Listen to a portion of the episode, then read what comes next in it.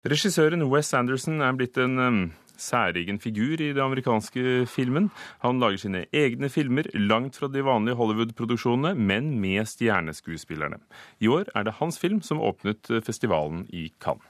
You know, I, it was a very moving kind of experience because you know it's it's, it's uh, you know the uh, movies are are so important to me in my life and, and being a part of something like this is uh, you know it's it's it, it, I've never really been a, a, a, part of something that, that's that's.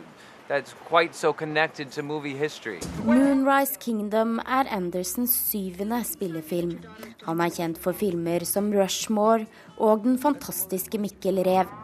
Denne gangen vil han lage en film om den første store kjærligheten.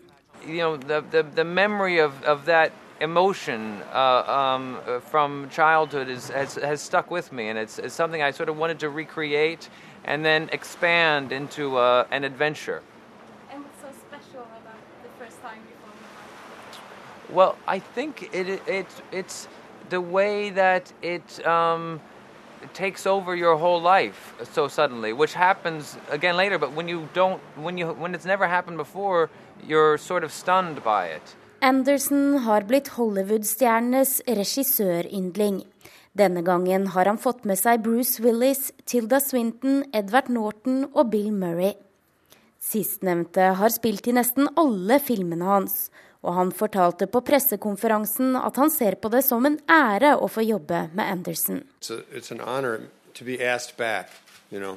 It's nice because when, sometimes when you work with a director, you know you you not only may never see them again, sometimes you hope you, you never see them again. for the director.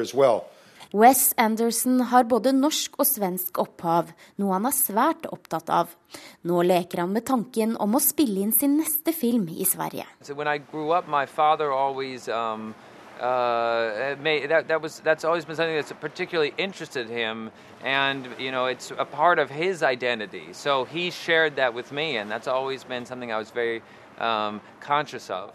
Have you ever considered making a Yes, I have. Yeah, yeah. I'm. Um, it's uh, um, it, I, there's a project that I'm working on now, and and we've you know I uh, Sweden is what, what we've been thinking about. Um, I, you know I I'm quite I, this new project. Some of my thinking about it is is uh, very influenced by uh, Roy Anderson's uh, films, and um, and it made me think maybe I maybe it would be possible to work uh, in Sweden and uh, uh, kind of take advantage of some of his techniques.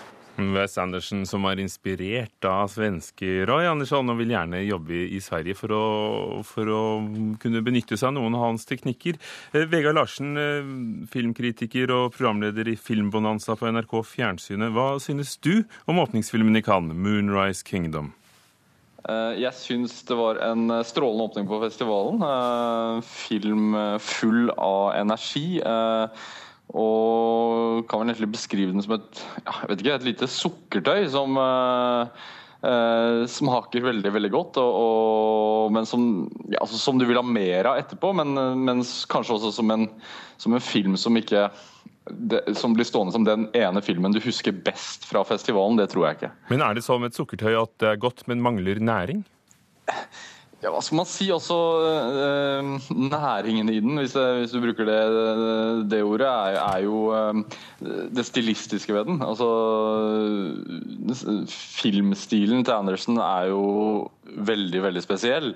Eh, han ønsker nok ikke å eh, grave eller gå i dybden på, på ting og liksom gjøre at publikum sitter igjen med en eh, med en eh, skjellsettende opplevelse. Det tror jeg ikke. Han eh, er mer en, en, fyr som vil underholde, men han gjør det på en såpass særegen måte at, at han som filmskaper er unik. Hvordan er stilen hans? Jeg syns egentlig at denne filmen og uh, stilen hans mer og mer altså Han lagde jo 'Fantastic Mr. Fox' uh, før denne, som var en dukkefilm. og Han tar med seg noe av det filmspråket inn i uh, 'Moonrise Kingdom'. Og, og, jeg syns at det minner litt om Ivo Caprinos verden, dette her. det utspiller seg på 60-tallet, og, og, han forsterker farger, han forsterker detaljer. og Sånn sett så er det en fornøyelig affære. Eh, det er ekstremt fantasifullt, og han er jo en Han elsker jo smådetaljer. Og det er det fullt av. Og, og veldig tablåbasert. Det er bilde på bilde som er ekstremt gjennomtenkt. Han liker symmetri, Wes Anderson. Men han er en ganske egenartet fugl i amerikansk film? Ja, det er han. Og han, jo, han får jo um, lov til å lage dyre filmer på sine vilkår, og det er det jo ikke så veldig mange amerikanske filmskapere som får lov til av, av produsentene sine. Uh, men så har han jo en fått med seg et stjernelag da, som antageligvis vil tiltrekke seg et stort publikum. Jeg, jeg tror nok 'Moonrise Kingdom' er en film som kommer til å gjøre det veldig godt på kinoer verden over, til uh, tross for å ikke være en hva skal man si, klassisk uh, blockbuster. Nå er det jo da 22 filmer i hovedkonkurransen, og som du nevnte så ble denne vist på åpningsdagen. Det var jo åpningsfilmen. Men nå som du da har sett flere filmer i konkurransen, tror mm. du den er en favoritt til å få Gullpalmen? Jeg eh, tror nok ikke den eh, vinner den gjeveste prisen. Eh, godt mulig at eh, eller, Den kan fint vinne en regipris, f.eks. Eh, eller for foto. Eh, men eh, den gjeveste prisen, Gullpalmen, det tror jeg ikke den får. Til det tror jeg at juryen her nede finner den litt for lett. Eller for, ja, litt for lett, rett og slett. Takk skal du ha, Vegard Larsen. Stine Traalt, eh, du befinner deg også i Cannes. Hvilke andre filmer snakkes det om da, som potensielle gullpalmevinnere i år? Ja, Kritikerne har egentlig ikke jublet spesielt høyt over eh, noen. Eh, den de har gitt høyest score til så langt, det er Hannikes Amor. Og, og også en annen østerriksk film av Christian Mungui som heter 'Beyond the Hills'. Eh, men det er jo 13 filmer til da, igjen i programmet som skal vises før, eh, før juryen med Nanni Moretti i spissen eh, treffer sin avgjørelse. Hva handler den 'Beyond the Hills over fjellene' om? Den handler om et rumensk venninnepar som ender opp på et kloster. Akkurat. Men eh, Cannes er jo et sted fullt av begivenheter og, og regissører og skuespillere som spaserer rundt på stranden, som du akkurat gjorde med Wes Anderson, som vi hørte. Hva skjer i dag? I dag så er det, eller i kveld i hvert fall, så er det visning av Abbas Kiaristanis film 'Like Someone in Love'. Og den fikk pressen også en liten 20 eh, sniktitt på i går. Eh, mottagelsen var vel egentlig heller eh, lunken. Inne kinosalen så var det en del eh, ganske mye buing, faktisk. Eh, også en del folk som sovna, og, og publikum i Cannes kan jo være hensynsløse, så det var til og med en rå latter i salen da filmen var ferdig.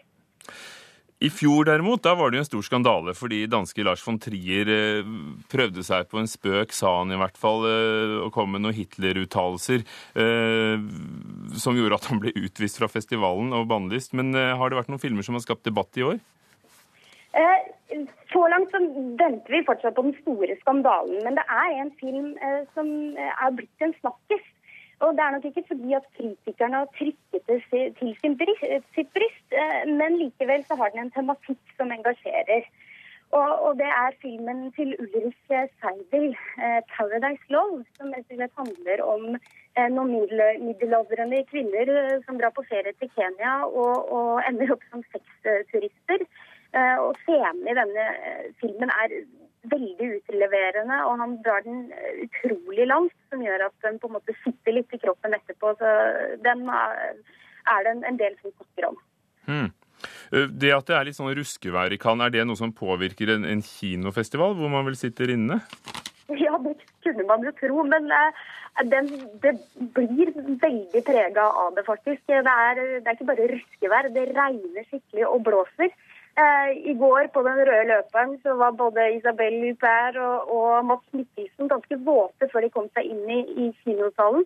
Eh, de må gå opp eh, en lang rød løper og en trapp, og på toppen av den trappa, rett før de kommer inn i salen, så er det en kjempestor vanndam, og ryktet sier at de aldri har sett en rød, våtere rød løper på ti år. Og I tillegg så vet jeg at det er ganske mange eh, forsinkelser, fordi at man har lagt opp til at man skal sitte ute på stranda og intervjue de store stjernene, men det er ikke så veldig rett eh, når eh, regnet høljer ned.